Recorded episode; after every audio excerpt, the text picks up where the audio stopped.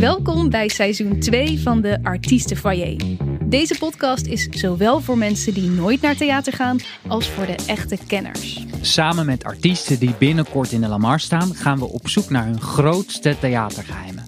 Hoe ga je om met een vervelende tegenspeler? Wat voor rituelen hebben ze die ze moeten uitvoeren voor het opgaan? En wat zijn hun grootste auditiemislukkingen?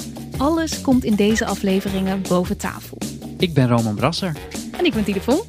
Ja, er zit een nieuw gezicht tegenover mij. Ja. Het Mhm. vorige seizoen zat Isabelle naast mij.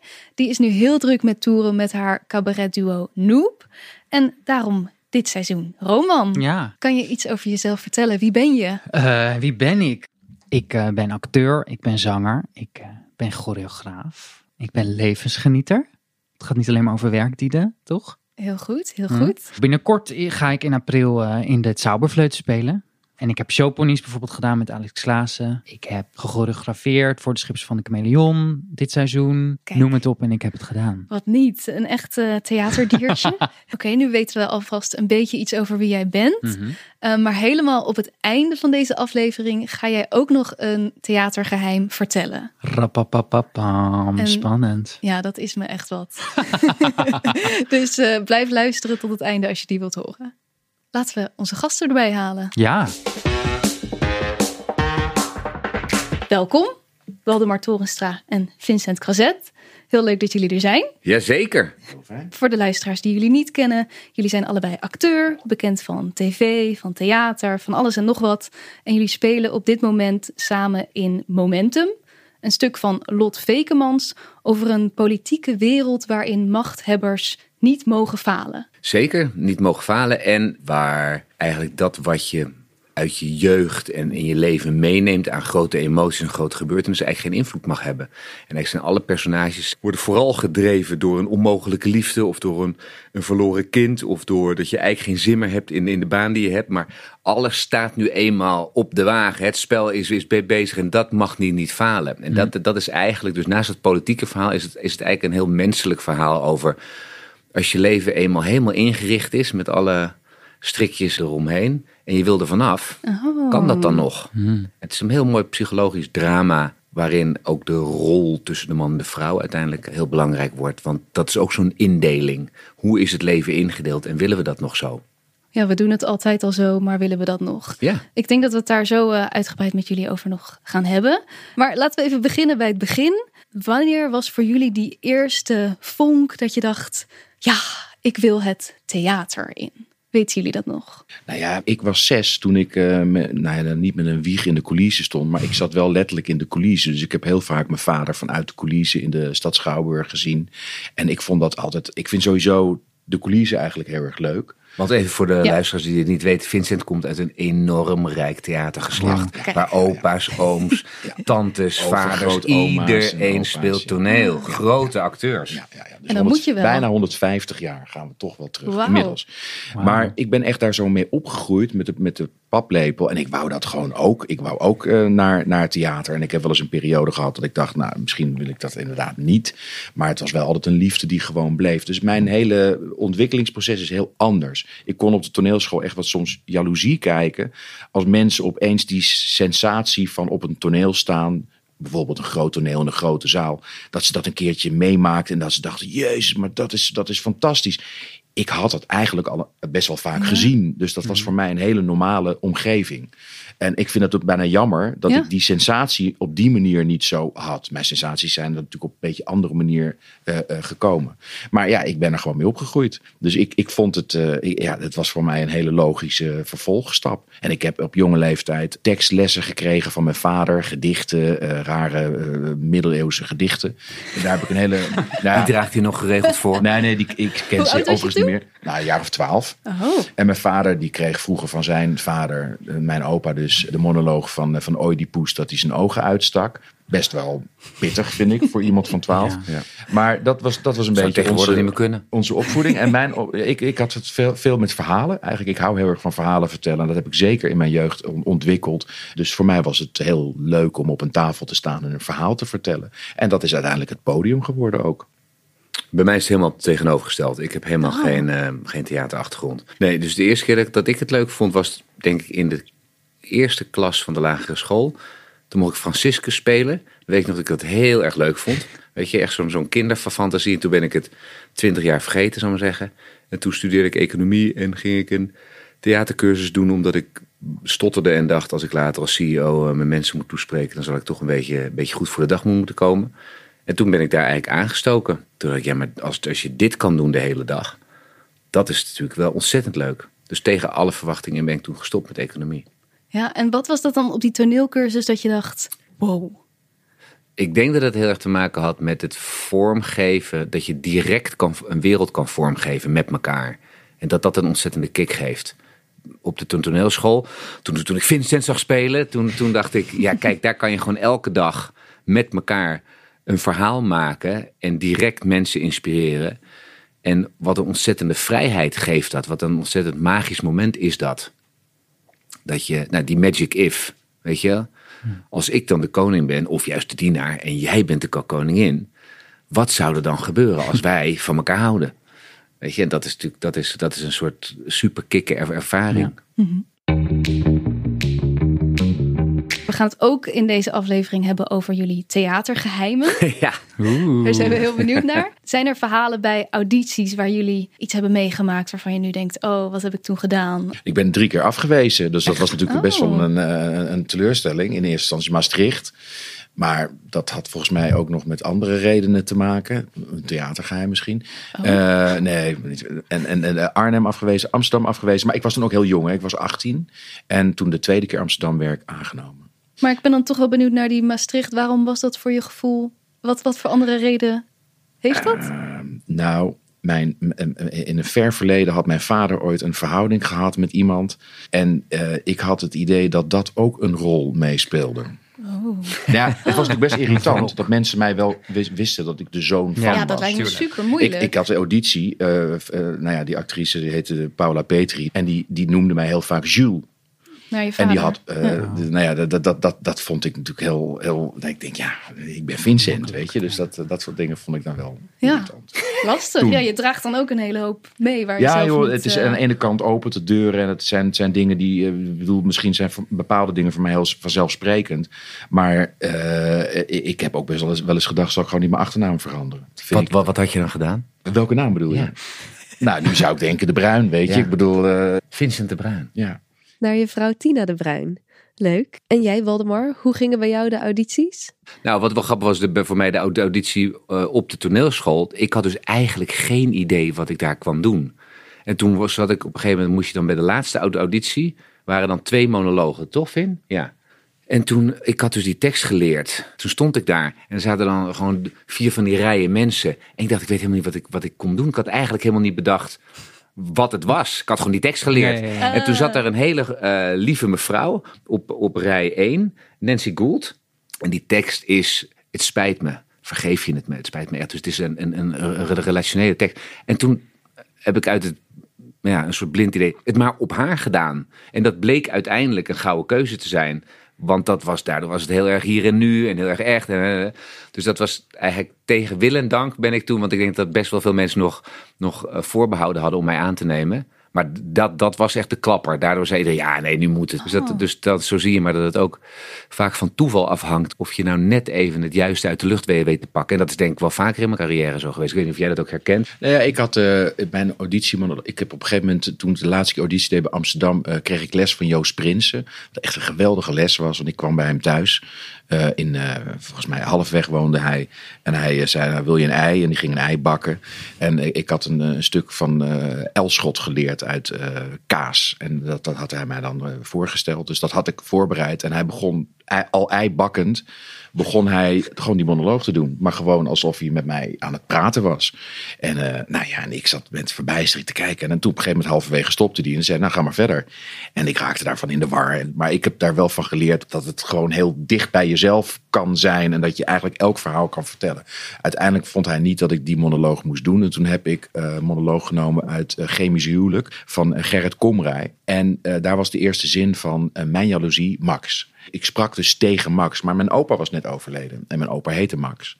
Dus nu ik het vertel, kreeg ik ook kippenvel. En dat ontstond toen ook. Dus er kwam opeens heel veel lading bij. Die eh, niet helemaal met die monoloog te maken had. Maar die gewoon heel bruikbaar was. En die heel, heel persoonlijk en met heel veel verdriet die er ook eigenlijk bij kwam. Maar gewoon iemand die. Eh, nou, dat, dat kreeg ik cadeau eigenlijk. En dus ik werd uiteindelijk aangenomen en heb ik dat ook als een soort teken gezien. Ja. Alsof mijn opa eh, over mijn schouder mee kan, bij wijze van spreken. Het zien van de mens door de acteur heen is toch een van de belangrijkste dingen waarmee je de- dan de rest van je carrière op die toneelschool gaat, gaat werken. Dus dat vind ik wel mooi bij ons allebei voor voorbeeld dat we het dan allebei even cadeau kregen op dat Ja, moment. zoiets ja. Ja. ja. Zijn er nog theatergeheimen als het gaat om de opleidingen zelf? Eigenlijk het eerste waar ik aan dacht, is dat ik heb altijd heel veel last gehad van dat mensen wel eens zeiden van, die kreeg ik een tikje op mijn buik. Van, nou, dat mag wel, wat, mag wel wat minder.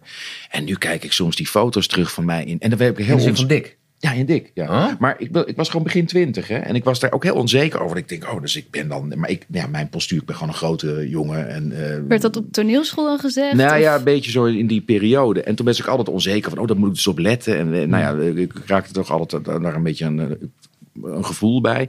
En nu kijk ik dan terug en dan denk ik echt van, waar hadden die mensen het over? Waar, waar, wat, wat, wat was hier eigenlijk überhaupt aan de hand? Ik vind dat je ook zo voorzichtig moet zijn in wat je tegen mensen eigenlijk zegt. Ook al bedoel je het misschien goed, en zeker met jonge mensen.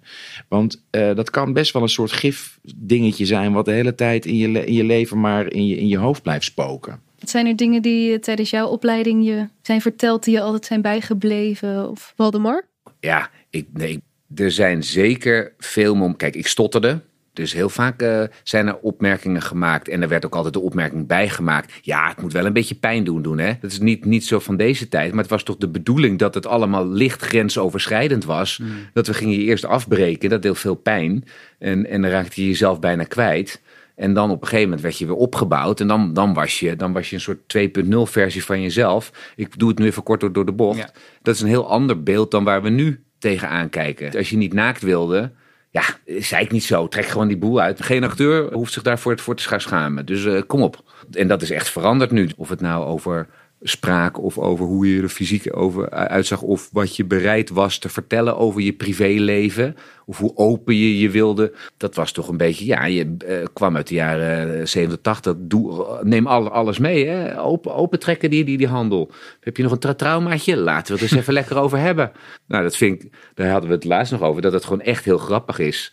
Eh, hoe, hoe dat ver- ver- veranderd was. Maar het is dus ook een tijd geweest dat dat als bevrijdend werd ervaren. Dat vind ik gewoon heel. eh, Ja, dus dat je dat zelf Opmerkelijk. ook zo... Maar misschien was het toen ook al niet voor iedereen bevrijdend. Nee, want als Nee, je, dat- dat is nou- vraag, ja. Stel Ja. dat jij nou die ene was waarvan je dacht van, nou, daar heb ik helemaal geen zin in. Ik Ja. doe daar niet aan mee. Dan was je opeens, oh, dan ben je preu, ik zeg, ik zeg maar wat Ja. preuts. Nou, dat was- of je was- durft je niet over te geven. Of, eh, Ja. nou ja, de- de- je hebt wel duidelijk een blokkade. Dat, dat is Ja. natuurlijk heel raar. We, we, we hadden gisteravond nog even over het qua theatergeheim. We hadden bijvoorbeeld een, een bekende, eh goede oudere acteur. Die vaak overal waar we speelden de parken kende. Waar die contact kon hebben met mannen. Nou, dat was gewoon algemeen bekend in de bus. En die kwam dan vaak met natte knieën eh, nog even in het het, in het theater. theater aan. En dan kreeg je vaak een zoen van op, op, op je wang. Niet wetend waar die net ge- ge- wauw. ge- geweest was. Ja. En dat was gewoon, dat was heel normaal. Dat was het randje wat bij... Ja, ik zie jou nu helemaal... Oh my god! en dat, vond je, als in, dat was oké, maar was het, was het ongemakkelijk? Het was ook Natuurlijk was het de eerste. Nou ja, daar Of- werd over. ge- Het, het was alles. Het is heel complex. Want ik, we, we hielden, of ik hield in ieder geval van die man. Maar ik- als hij dan terugkwam en ik kreeg dan een soort natte zoen. Dan, dan weet ik ook niet. Ja, je denkt, je denkt dan toch, waar is die mond Ja, net dat geweest? Is dit iets wat ik zelf ook zou moeten doen? Hoort, hoort, hoort dit erbij in het theater? Weet ik veel. Maar het, was ook, het ging, stond ook heel erg voor, voor vrijheid. En dat je denkt, jeetje mine, wat fantastisch. Deze Dat man heeft gewoon gewoon kan. overal zijn contacten. Het was gewoon, gewoon nog voor eh, allerlei apps. Het is een beetje rock'n'roll. Af en toe ongemakkelijk, want, want is hij wel op, op, op tijd? Soms was het gewoon bijna aanvang voor de stelling. En dan was hij er nog, nog, nog niet. En dan vijf minuten van tevoren schoof hij eh, eh, met natte knieën naar binnen. En er was ook altijd goede verhalen. Maar het is, ik pro- probeerde het meer te vertellen in van dat het dat je dus in 20 jaar, ik ben nu 20 jaar zou zeggen, eh, hier, hoe enorm dat verschil is geworden. Enorm. Als je, nu, als je dat nu zou hebben, dat zou gewoon als grensoverschrijdend worden Mhm. ervaren. Terwijl toen was het als van, eh, ja, dat, dat moet ik misschien ook maar eens een beetje doen. Merken jullie nog meer grote verschillen met vroeger? Ook als het gaat over. eh, kijk, wij komen uit een, dan nog een tijd. Ik bedoel, we zijn nu bijna opa en oma bij wijze van spreken. Maar eh, een, een, een tijd dat je dus eh, in die bus.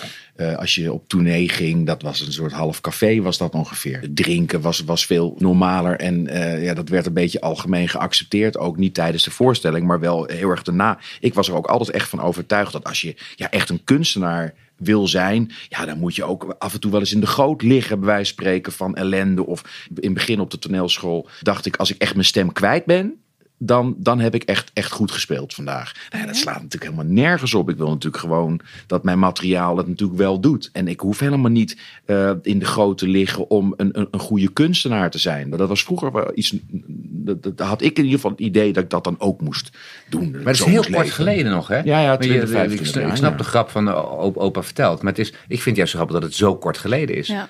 Dat als je, als je nu, nu, nu kan je gewoon toch zeggen, nou, maar dat is een kindervakantie. Dan zou ik liever niet willen spe- spelen. Maar dat was gewoon eh, 15 jaar geleden on- ondenkbaar. Nou ja, of, of, of ziek zijn. Laten we, ik bedoel, Ja. eh, het was ondenkbaar als jij een griepje had. Ja. Dat jij dan zou zeggen, ja, ik voel me niet zo lekker, kan vanavond niet je spelen. Dus dan moest echt bloed bij te pas komen. Wil je er dan vanavond niet op kunnen treden. Nee, ik speelde Laertes.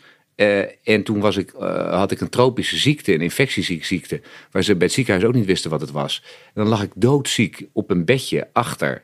En dan ging ik zo zeggen, hup, nog even een scènetje. En die wankelde ik dan net uit en dan knalde ik weer op, op, op een bed. Zo heb ik gewoon 30 voorstellingen gespeeld. Hebben jullie wel eens grote blunders gemaakt zelf? Ja, ongetwijfeld. Niet opgekomen? Ben je wel eens niet ik opgekomen? ben zeker, ja, ik ben een paar keer niet opgekomen. Oh jeetje. omdat ik bijvoorbeeld eh, toneel niet kon vinden in Venlo. Omdat het heel ingewikkeld En dan, eh, dan praten we over. En heel even te laat? Of en echt, gewoon, ja, echt te laat? Ja, te laat. En dat het ook geen zin meer had om op te komen. Ah. ja. maar dan loop je door die gangen in dat gebouw. ja, verdomme, waar is nou die deur? de brief voor de koning kwam niet. Ja. Nee. En jij, Waldemar? Nee, ja, ik heb ook eh, blackouts, verkeerde tekst inzetten.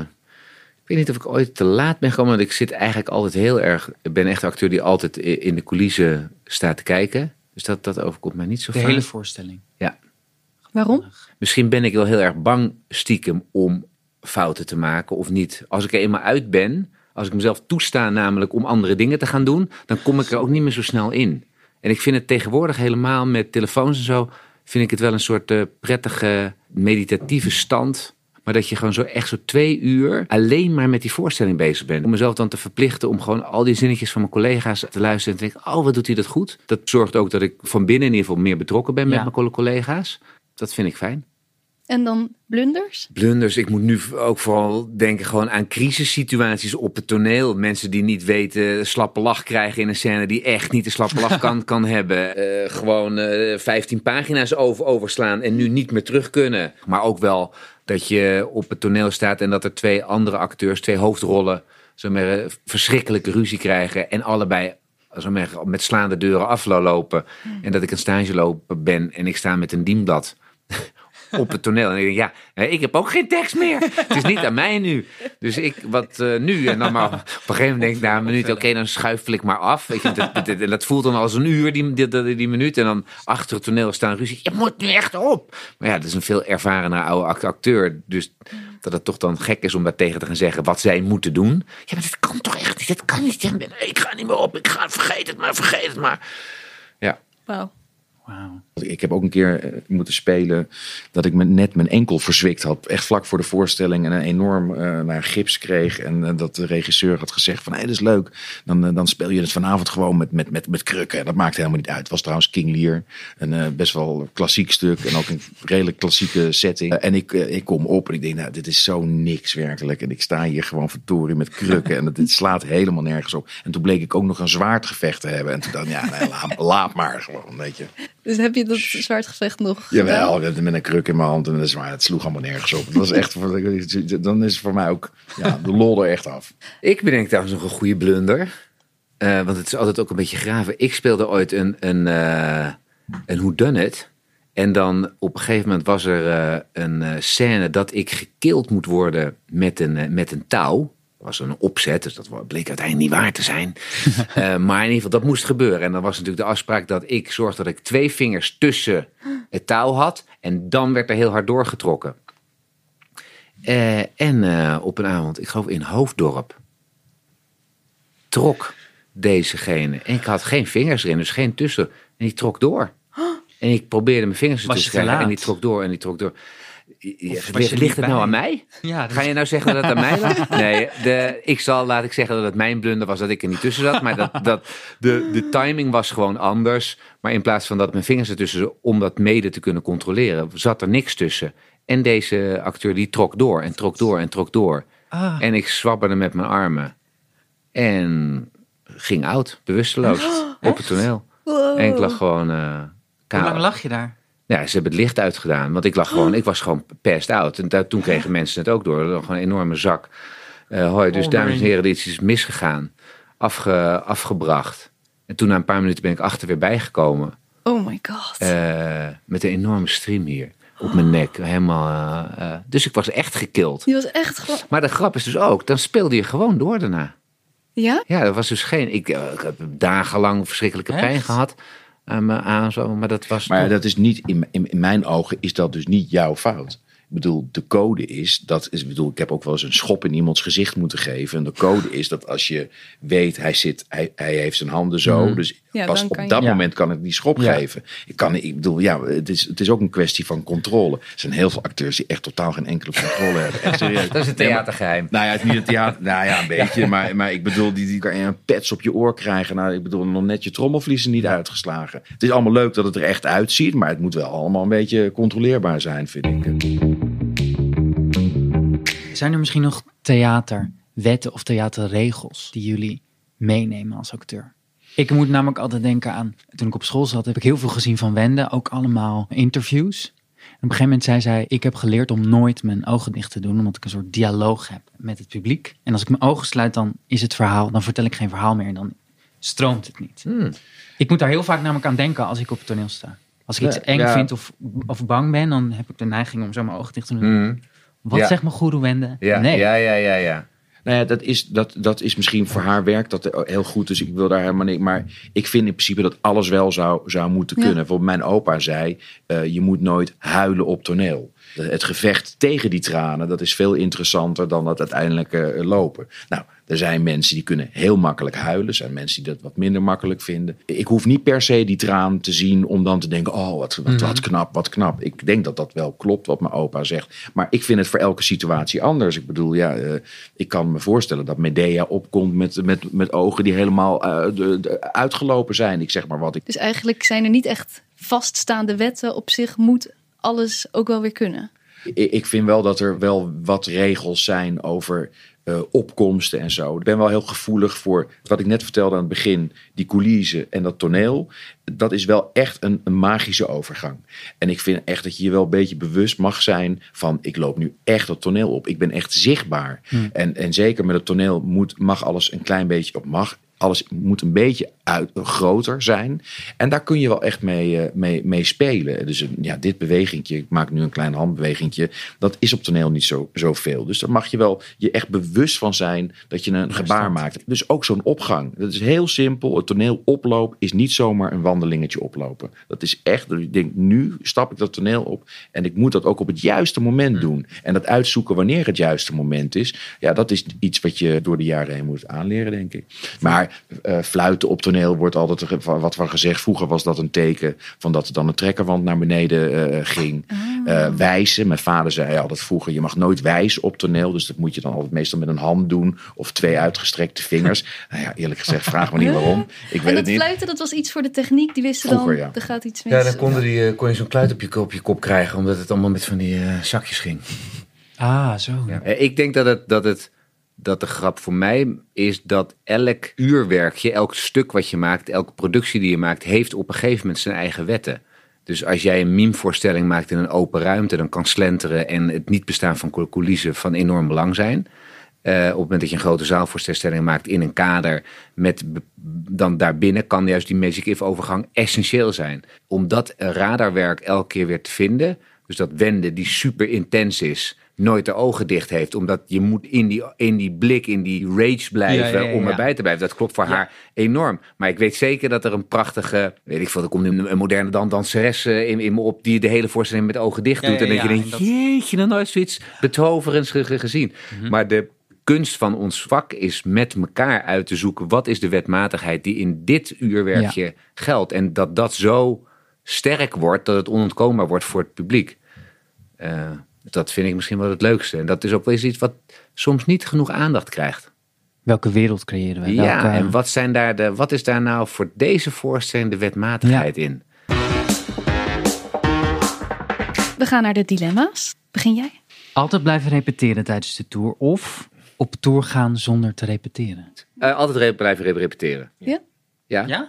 Nou ja, omdat... Ja, omdat dat andere, dat is weer het andere uiterste. Dus dan, dan maar. eh, Het zijn ook uitersten, want het zijn Ja. die, die dilemma's. Wat niet wil zeggen, ik heb met superveel plezier eh, nachtgasten en, en dat, dat soort dingen gedaan. Geweldige improvisaties gespeeld. Maar ik, ik vind de joy of repetition, Ja. dat daar gaat, als we het over to- toneel hebben, niet voor, voor film. Dan ge- geef me dan maar een scène en dan, dan spe- speel ik hem gewoon meteen. Maar de, juist voor die wetmatigheid waar we het net over Mhm. Ja, hebben, dat je dat hebt, daarvoor moet je gewoon de joy of repetition.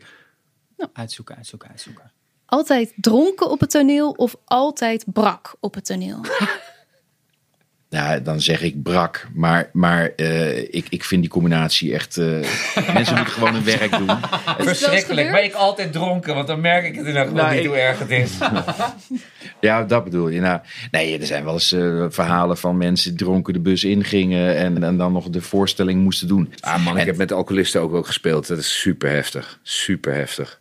Maar dat je gewoon met de lamme tegenspeler staat. Knetterend lam. Maar ehm, eh, als ik het dan zelf heb, brak merk je de hele 2, 2,5 Voel je de hele uur. tijd kut, ja. Als je heel lam bent, denk je misschien nog, eh, kijk mij eens geweldig Ja. hier bezig zijn. Lalala. Ja, ja, het is voor jezelf minder erg Ja, inderdaad. ja. ja. Ja. Ehm, je hele leven dezelfde rol spelen of alleen nog maar naakt op toneel. Alleen nog maar naakt op toneel. Kijk, uiteindelijk eh, bloot op het toneel zou mij niet zo heel veel uit mij maken. Maar de- om altijd bloot er rond te lopen wordt uiteindelijk ook een hele saaie rol. Ja, dat is waar, ja. Ja, ja, ik bedoel, bij jou begrijp ik het nog, Wally. Eh, Jij hebt op zich een eh, goed lijf. Maar dat maakt, uiteindelijk, maakt, uiteindelijk Ja. gaat het er toch om dat je... Nou ja, dat ik je- ben, nu wel op een leeftijd gekomen. Ik bedoel, ik heb, Ik scheid. ik heb vroeger heel vaak naakt op toneel ge- gestaan. Je ziet er net toch heel, heel appetijtelijk Ja, uit. zal wel. Maar er zijn ook echt bewust oude schoolvrienden die zeggen: nee, ik kom niet kijken, want jij staat altijd naakt op toneel. Dus dat is, Ja? terwijl het inmiddels al weet ik veel twintig jaar geleden is. Eh, en ik heb er ook helemaal eh, ge- geen problemen mee. Maar ik, hoe ouder je wordt, op een gegeven moment, ja, prima. Maar, Maar waarom? Eh, twee keer zo dun worden voor een rol of twee keer zo zwaar worden voor een rol? ik zeg dun. Ik zeg Dun, dun, Ik zeg dun. zwaar, zwaar. Maar Ja? dik mag je niet meer zeggen. De, ja, lekker, lekker. Ja, voor een rol. Heerlijk. Lijkt me hartstikke leuk. Ja, Daar wil ik er wel goed de tijd voor, voor krijgen. En waarom jij dun? Nou, ik, ik, ik, ik vind het wel eh, door de jaren heen wat lastiger om, eh, om gewoon goed op gewicht te blijven. Dus ja, ik, zeker ook in die. Stok achter de deur. Nou, en ik- kijk, ik vind het lastige aan tours dat ik dan niet helemaal grip heb op, mijn, op de keuzes van wat we eten en zo. En ik vind de verleidingen ook wel moeilijk. Ik bedoel, met, ik heb niet zoveel problemen met niet drinken of zo, maar de bitterballen na de voorstelling vind ik dat toch moeilijk om er niet eens één te nemen. En dat kan ik beter allemaal maar niet, eh, ni- niet doen. Dus nee, ik, ja, ik, als ik die keuze mag maken, dan zeg ik nu deze keuze. Ja, Oké. Goede recensies met vervelende collega's of slechte recensies met geweldige collega's? Slechte recensies met geweldige collega's. Leuk. Ja, wat boeit mij die recensies nog? Ik krijg altijd uh, slechte recensies. Ja? Ja, ik krijg altijd slechte recensies. Nou, dit- ook niet Nou, het is een beetje overdreven, maar ik, ik heb lang geleden afscheid genomen van het belang van recensies. Publiek wat blij is of niet blij. Als een zaal het verschrikkelijk vindt, Ja. dat vind ik de hel. Ja. Ik doe het voor de mensen die er komen. Dus dat vind ik verschrikkelijk. Dus als, als, als de zaal het verschrikkelijk vindt, dan maar met die rot collega's en dat het een geweldige zaal. eh, maar, maar de ene meneer of mevrouw die vanuit haar of zijn professionele blik wel of niet vindt dat ik iets goed doe. Gezond. schijnt Lijkt me heel beetje. gezond. Ja, nee, ik vind die recensies zijn voor mij ook wat minder belangrijk geworden. Alleen het is soms zo, voor een productie kan het zo eh, eh, belangrijk zijn. Zeker. Maar ik, ik heb ooit van Ronald Okhuizen, was een recensent, die heeft vijf jaar toneelregie gedaan. Dat weten we misschien niet zoveel mensen, dat is ook heel lang geleden. En die zei, ja, op een gegeven moment krijg je eelt op je ogen, dan moet je er gewoon mee stoppen, moet je iets anders gaan doen. Vroeger hadden we Peter Liefhebber van de Telegraaf. En dat was eigenlijk altijd een hele secure recensent. Maar als hij het echt niet goed vond, nou dan zat je misschien ook wel een beetje in een beroerde voorstelling. Hij, hij, hij, Die nou, vond hij- altijd heel goed, goed trouwens. nou ja, hij was ook echt, ik bedoel, de naam liefhebber, eh, maar hij, hij was ook echt een liefhebber. Ja, en nu denk ik af en toe wel eens van, kom aan jongens, ik bedoel, het is niet echt de, de meest makkelijke tijd. We hebben net corona achter de rug, we hebben acteurs eh, misschien maandenlang eh, als ZZP'er, maar moeten kijken van hoe komen we hier, hoe houden we hier de boel een beetje, de, een beetje draaiende. Mensen proberen risico's te nemen door misschien een nieuw Nederlands stuk uit te kiezen. Dan denk ik van, nou, probeer ook een beetje met de ogen te kijken van waarom dit vak zo leuk is. En ik vind het allerbeste als je een recensie kan schrijven en dat je toch denkt van nou, misschien vond die man het niet zo goed, maar ik denk toch dat ik het wel leuk vind om daar naartoe te gaan. En ik vind dat mensen soms veel te persoonlijk worden. Mijn allerergste recensie was van Wijbrand Schaap. Overigens een alleraardigste man. Maar die heeft ooit geschreven... Vincent Corset met de vochtige dictie van zijn vader... en de houterige motoriek van zijn oom Hans... dat samengebald in één persoon was niet om naar te kijken. Nou ja, kom aan. Ja, wat, wat zijn wij aan het doen? Ja. Maar even serieus. Ik bedoel, Ja. kijk, je mag het niet goed vinden. En je mag zeggen van, ik, vond, ik, ik begreep er niks van of wat dan ook. Maar wat zijn we aan het doen? Ja. Wat, wat is dit op de man en op de persoon af? En, ja. en, en ja, laten we, laten we ook allemaal een beetje met liefde naar dat vak kijken. En, en dat eh, wil ik wel eens in twijfel trekken. Allerlaatste dilemma. Nooit meer theater of nooit meer seks? Ja, dat, eh, theater is toch seks, weet je? Dat is gewoon heel belangrijk. Nee, ehm, nou, Finn. Nee, zeg ik, zeg, ik zeg nooit meer theater. Ik vind mijn privéleven honderdduizend keer belangrijker Yes. dan, dan, dan het vak. Maar ik ben echt allergisch voor als dat vak zo belangrijk is dat alles daarvoor moet wijken. Kijk, dat je misschien zegt, ik moet even in die montageweek, moet ik echt even een week eh, echt mijn hoofd leegmaken. Dan moet ik even een beetje buiten dat gezinsleven blijven. Daar, daar kan ik nog wel enigszins in meekomen. Maar dat eh, je, de, de kinderen eronder moeten leiden. Of dat je vader eh, iedere keer een beetje anders is. Omdat de rol hem in een bepaalde gemoedstoestand brengt. Ik, ik vind het walgelijk. Dus ik, ik, ik vind echt dat die dingen volledig gescheiden. Voor mij kunnen ze in mijn ogen gescheiden zijn. Dus ik kan die deur dicht doen van het theater. En ik kan eh, mijn huis, woonhuis binnenstappen. En dan ben ik gewoon weer, zit ik in mijn, in, mijn, in mijn gezinsleven. En die vind ik echt minstens, nou ja, die vind ik eigenlijk belangrijker. En je bent gek op seks. Nou ja, los daarvan. Maar, maar ik vind het gezinsleven gewoon belangrijker. Ik vind niet dat je kan zeggen dat het theater... eh, ja, of dan moet je single zijn en geen relatie hebben. Dat vind ik het allemaal prima. Maar ik heb wel een hele lieve vrouw. En eh, ik heb hele lieve kinderen. En die zijn voor mij gewoon belangrijker. Het helderste antwoord wat we hier ooit Ja, hebben gekregen mooi. hebben, denk ik. Ja. Eens. Ik sluit me daar volledig bij aan. Bedankt. ja, heel veel dank allebei. Graag gedaan. Dat was hem. Diede, Ja. dit was mijn podcast ontmaagding. Hoe was het? Ik vond het heel leuk. Ik vond het heel vet wat eh Waldemar zei. Over dat creëren van een wereld. Je eigen wetten en regels onderzoeken met al je tegenspelers. Ja, iets wat ik ook wel mee wil nemen. Ja. In mijn eh, theaterbeleving. Dat je misschien nu ook een keer wel je ogen dicht mag doen. Precies tijdens het zingen. dat ik Wende lekker achter me moet laten. En wat vond jij ervan? Ja, hetzelfde. Heel interessant dat zij ook weer uit zo'n andere generatie komen. Mhm. Dat vond ik ook wel tof, dat daar echt heel veel gebeurd toch is in ja, relatief korte tijd. Ook veel ten goede, denk ik wel. Ja, zeker. Dan wil ik natuurlijk nog heel graag weten, wat is jouw grootste theatergeheim? Nou ja, ik heb zeker een aantal theatergeheimen. Maar hetgene waar ik eigenlijk direct aan moet denken is mijn grootste blunder. Ben je ready? Ik hoop het. Ik eh, liep stage bij Chorus Line, een voorstelling over auditie doen. Het grotendeels van de voorstelling speelt zich af op een rij. Alle acteurs staan op een rij en vertellen hun persoonlijke verhaal. Ik was jong, ik was eh, wild, ik was lekker mijn dingen aan het doen. En eh, de tweede acte begon en ik rende naar het podium. We begonnen weer. Het moment dat dat doek opging, dacht ik, shit, shit, ik had naar de wc moeten gaan. Ik voelde gewoon direct ehm, dat, ik, ja, dat, ik, dat ik mijn tweede boodschap moest doen. Tweede boodschap. En ik wist ook, het duurt nu 45 minuten voordat ik af ben. Ik had een monoloog van 10 minuten. En ik werd zo, ik kreeg het helemaal heet. Ik werd helemaal, ah. En ik moest op een gegeven moment scheetjes laten. En ik dacht, shit, shit, shit, shit, shit, shit, shit, shit, shit, shit, shit. Hoe kan ik hier weg? Hoe kan ik hier weg? En het moment dat mijn monoloog begint, laat ik zo'n scheet dat ik denk, oh my god. Mijn broek is nat. Het was geen scheet. Het was geen scheet. Oh. Of het was een scheet met wat. eh, iets wat daarbij kwam. Dus ik, ik heb die monoloog afgemaakt. En na die monoloog, nou dat ging natuurlijk helemaal niet. Ik was overal nergens, maar ik was niet bezig met het verhaal vertellen. Eh, en na die monoloog hadden we een soort tap-sequentie. Ook nog. Ja, het was verschrikkelijk. Tap-sequentie waar, waar iedereen heel dicht op elkaar moest staan. En ik dacht alleen maar, ik stink naar kak. Ik stink naar poep. Ga weg, ga weg, ga weg! Oh, oh, oh, het was verschrikkelijk. En ehm, aan het einde van die tap-sequentie moest ik ook vallen. Dus iedereen kwam dan nog dichter bij me staan en raakte me aan. Ik zweette me, hey, ik heb nog nooit zoveel gezweet op het podium. Ik wilde alleen maar zo snel mogelijk weg. Uiteindelijk mocht ik hoppend weggedragen worden en toen ben ik naar de wc gegaan. Ah! Dit is Het ergste echt, wat er bestaat. dit is echt wel, ja, misschien wel de ergste blunder die we tot nu toe Gewoon in je broek poepen terwijl je, terwijl je speelt. Heeft het publiek het meegekregen? Nee, ik, ik dacht dat iedereen het wist. En je Ik heb het nooit gezegd. Nee, want ik schaamde me echt. Toch wel een scoop. Roman Brasser. Poept in zijn broek. It's me. Oh, dank voor het delen van dit verhaal. Ja, doe ermee wat je wil. Heel veel dank aan onze gasten Vincent Crosset en Waldemar Torenstra. Eh, zij staan met Momentum nog in de Lamar van 2 tot en met 5 februari. En kom vooral langs, want dan kan je zelf zien hoe ze hun eigen wereld creëren op het podium hier.